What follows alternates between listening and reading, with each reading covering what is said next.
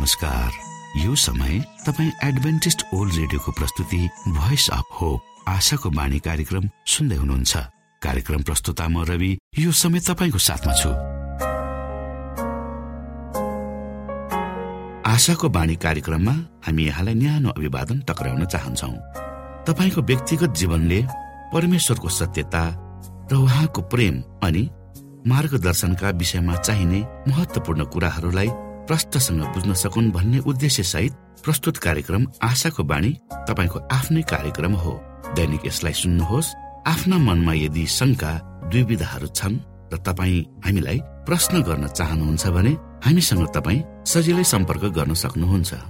हाम्रो ठेगाना हामी हाम्रो कार्यक्रमको अन्तमा बताउने गर्दछौ। हाम्रो कार्यक्रममा सक्रिय रूपमा सहभागी भएर हाम्रो उत्साहलाई बढाउने समस्त श्रोतामा आज पनि तपाईँलाई चाहिने प्रकारको कार्यक्रम लिएर हामी उपस्थित भएका छौँ। श्रोताको चाहना र श्रोताको व्यक्तिगत जीवनका भलाइका कुराहरूलाई समेटेर प्रस्तुत गरिने यो कार्यक्रम आशाको बाणी तपाईँ सुन्दै आउनु भएको छ र आज पनि हामी त्यही क्रममा छौँ। सुरुमा सुनौ यो मधुर क्रिस्टीय भजन।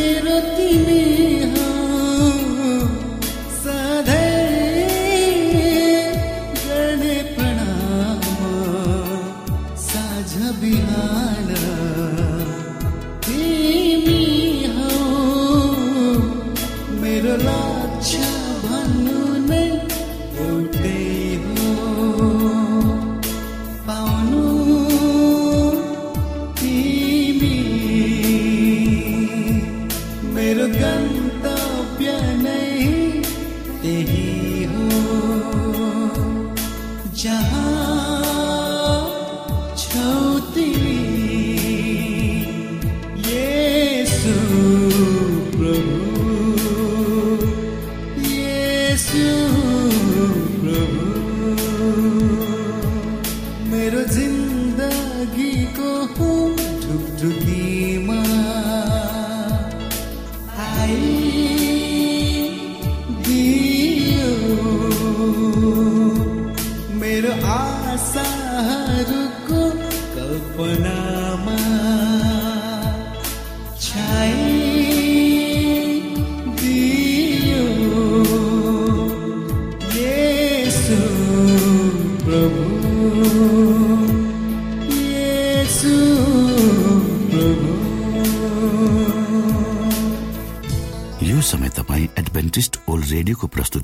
Voice of hope आशाको बाणी कार्यक्रम सुन्दै हुनुहुन्छ।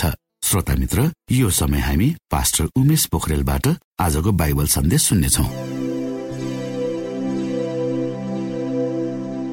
श्रोत साथी न्यानो अभिवादन साथ म तपाईँको आफ्नै आफन्त अर्थात् पास्टर उमेश पोखरेल। परमेश्वरको वचन लिएर यो रेडियो कार्यक्रम मार्फत तपाईँहरूको घर आँगनमा पुनः उपस्थित भएको छु। मलाई आशा छ तपाईँले आफ्ना जीवनहरू परमेश्वरको अगुवाईमा दिन प्रतिदिन अगाडि बढाउँदै हुनुहुन्छ र हाम्रो कार्यक्रमहरूलाई नियमित रूपमा सुन्दै हुनुहुन्छ। आउनुहोस् तपाईँ हामी केही समय परमेश्वर सँगसँगै आजको प्रस्तुतिलाई पस गर्नुभन्दा पहिले आउनुहोस् म परमेश्वरमा अगुवाईको लागि बिन्ती राख्नेछु। जीवित जिउँदो महान दयाल परमेश्वर प्रभु हामी धन्यवादी छौँ। यो जीवन र जीवनमा दिनुभएका प्रशस्त आशिषको लागि। यो रेडियो कार्यक्रमलाई प्रभु म तपाईँको हातमा राख्दछु। यसलाई तपाईँको राज्य र महिमाको प्रचारको खातिर तपाईँले यो देश र सारा संसारमा तपाईँले लानुहोस्। यसबाट तपाईँको महिमा होस्। सबै बिन्ती प्रभु यीशुको नाम। आमेन।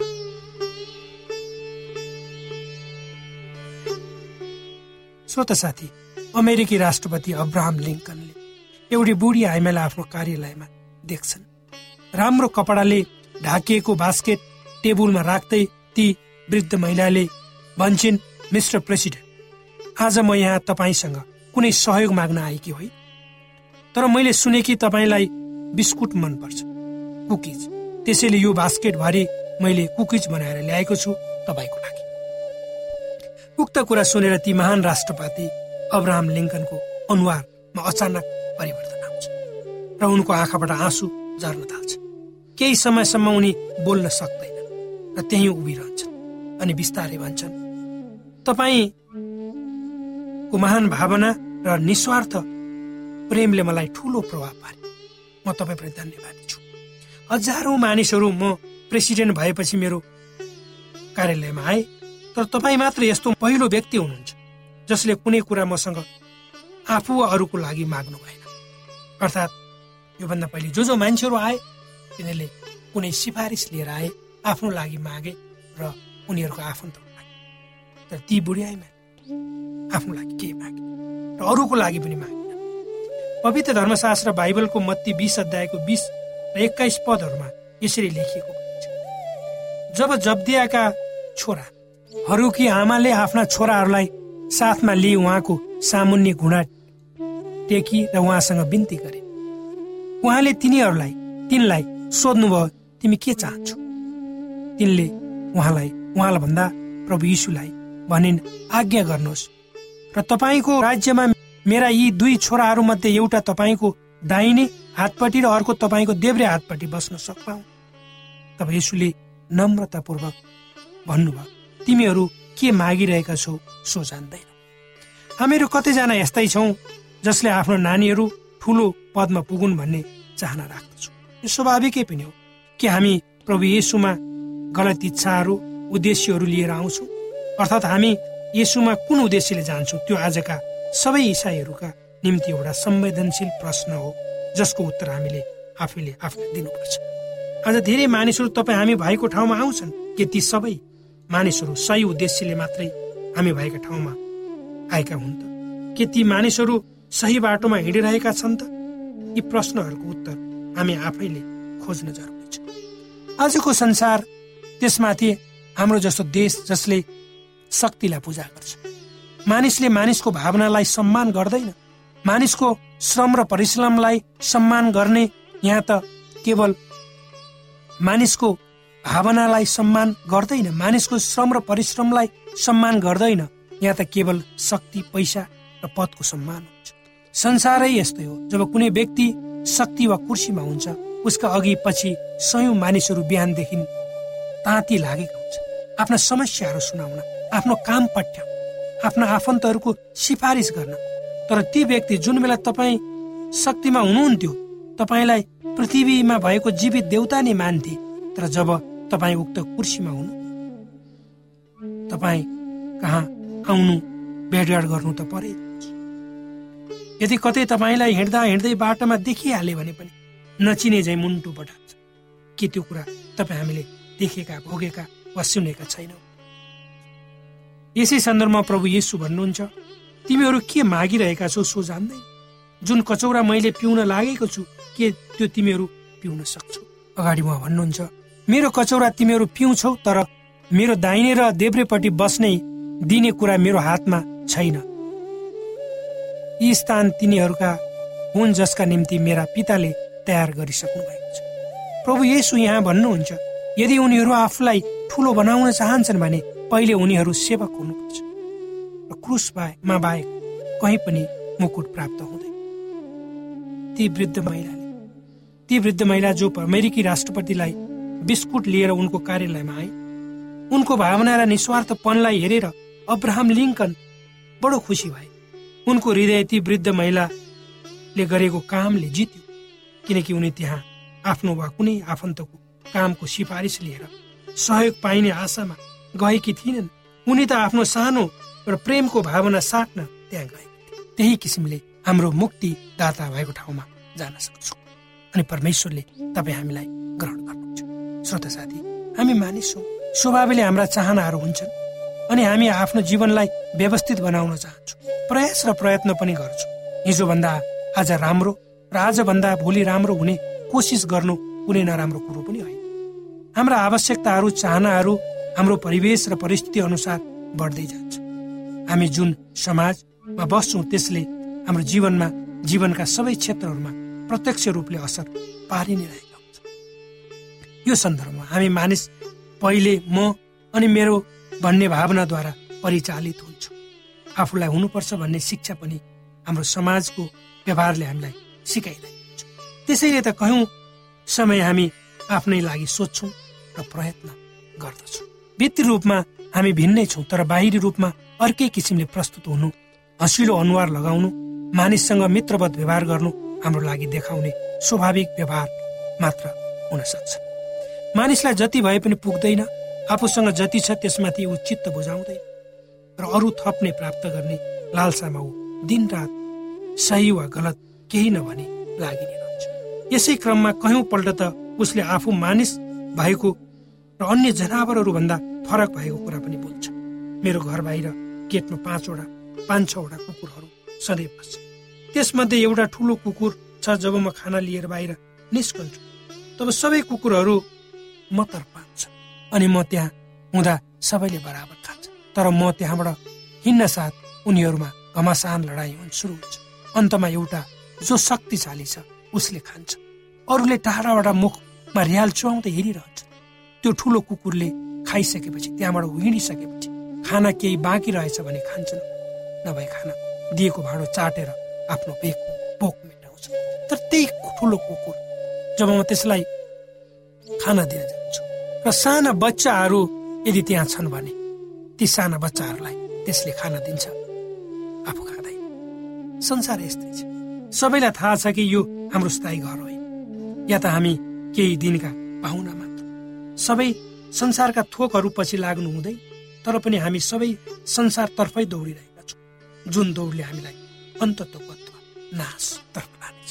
श्रोत साथी चाहना गर्नु कुनै कुरा प्राप्त गर्ने कोसिस गर्नु नराम्रो भनेको तर मानवीय चाहनाहरूको कुनै सीमा छैन। र जति हामी प्राप्त गर्दछौँ त्यति नै हामीमा अपुग भएको र अझै प्राप्त गर्नुपर्ने इच्छा जाग्छ। र जति भयो त्यतिमा सन्तोष गर्नु मात्र पनि मैले भन्न खोजेको प्रयास र प्रयत्न गर्नु हुँदैन भनेर भनेको पनि त होइन। तर हामीमा जे छ त्यसमा खुसी रहनु र परमेश्वरमा माथि भर पर्नु र उहाँको इच्छामा आफ्ना सबै कुराहरूलाई छोड्नु कति राम्रो हो त्यो मैले भन्न खोजेको। परमेश्वरले यी वचनहरूद्वारा तपाईँलाई आशिष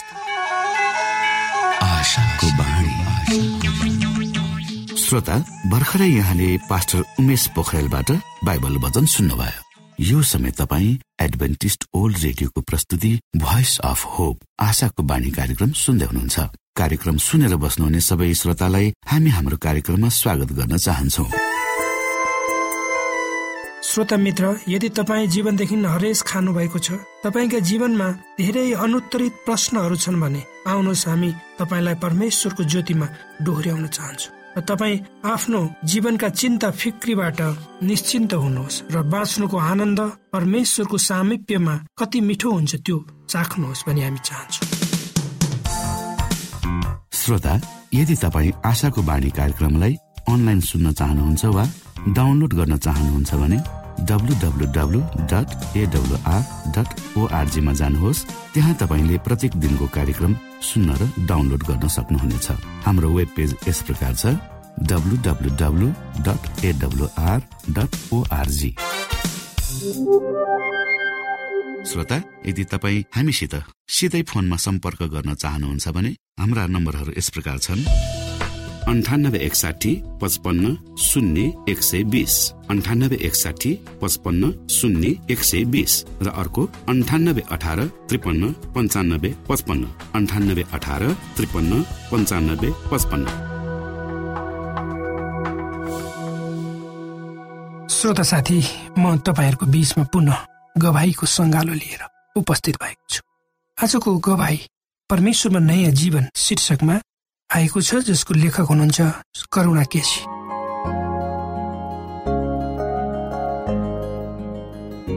मेरो नाम करुणा केसी। म साडो बाटोमा बस्छु। दुई वर्ष अघि म दस कक्षामा पढ्थेँ। म होस्टलमा बस्थेँ। मेरो school hostel incharge Chandrakala Rai हुनुहुन्थ्यो। उहाँले भर्खर भर्खरै परमेश्वरलाई विश्वास गर्नुभएको थियो। मेरो दुःख पीडा म उहाँसँग बाँड्थेँ। उहाँले परमेश्वरको बारेमा धेरै कुराहरू मलाई भन्नुहुन्थ्यो। हामी सबै विद्यार्थीहरूलाई उहाँले सम्झाउनुहुन्थ्यो। त्यस क्रममा मेरी आमा धेरै बिरामी हुनुभयो। आमा मामा घर झापामा जानुभयो। हस्पिटलमा जचाउन जाँदा केही पनि छैन भन्यो तर आमा झन झन बिरामी हुँदै जानुभयो। आमाको पेट एकदम दुख्थ्यो। म के गरौँ? आफ्नो एसएलसीको परीक्षा घरमा बात हुनुहुन्छ तर केही वास्ता गर्नुहुन्न थियो।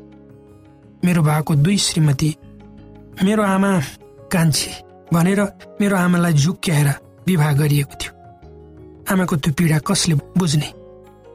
झापामा हजुरबाले आमाको व्यथा देख्न नसकेर धेरै धामी झाँक्रीहरू पूजा पाठहरू गर्नुभयो तर केही पनि भएन। हजुरबाले मान्छे बोलाएर हात हेर्न लगाएर हात हेर्ने ज्योतिषीले आफ्नै घरबाट टुनामुना गरेर बिगारेको छ भन्यो।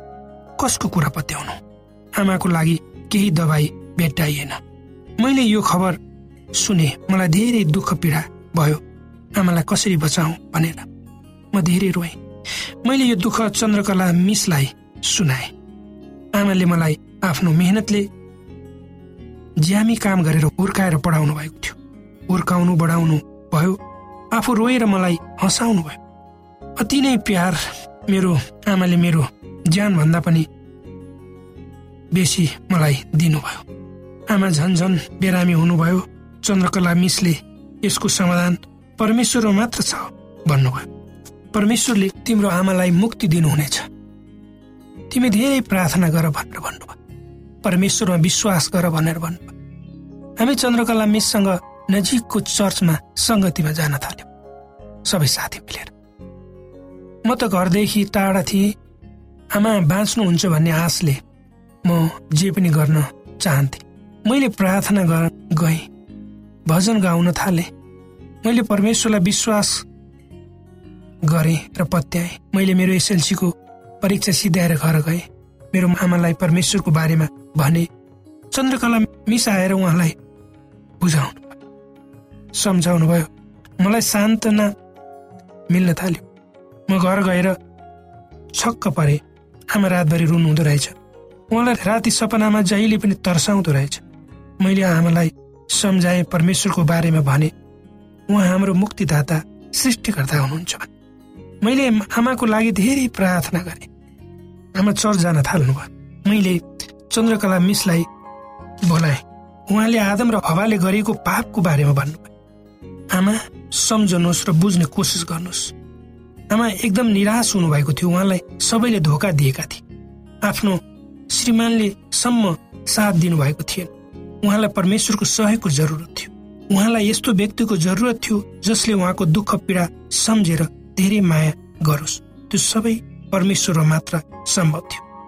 उहाँ र म लुकी लुकी घरमा प्रार्थना गर्थ्यौँ भजन गर्थ्यौँ। अनि मेरो एसएलसीको रिजल्ट आयो म फर्स्ट डिभिजन पास भएँ। म एकदम रोएँ र परमेश्वरलाई धन्यवाद दिएँ। उहाँको महिमा र प्रशंसा आमा एकदमै खुसी हुनुभयो र परमेश्वरलाई धन्यवाद भन्नुभयो। हाम्रो घरमा जातपात छुट्याइन्थ्यो तल्लो जातको घरमा बस्नुहुन्न भनेर भनिन्थ्यो। यतिसम्म छुट्याइन्थ्यो कि तल्लो जातको मानिसले छोएको पानी खान पिउनुहुन्न भनेर भनिन्थ्यो।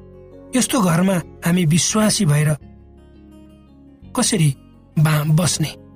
हाम्रो पीडा बढ्न थाल्यो। हाम्रो भेट एउटा दाजुसँग चन्द्रकला मिसले गराइदिनु भयो उहाँले आमा र मलाई सम्झाउनु भयो र हामी त्यहाँको नजिकको एउटा मण्डलीमा जान थाल्यौँ। हामीले निर्णय गर्यौँ हामी घर त्याग्ने भयौँ परमेश्वरको लागि। उहाँको चरणमा बस्नलाई त्यो घरमा बसेर सम्भव थिएन।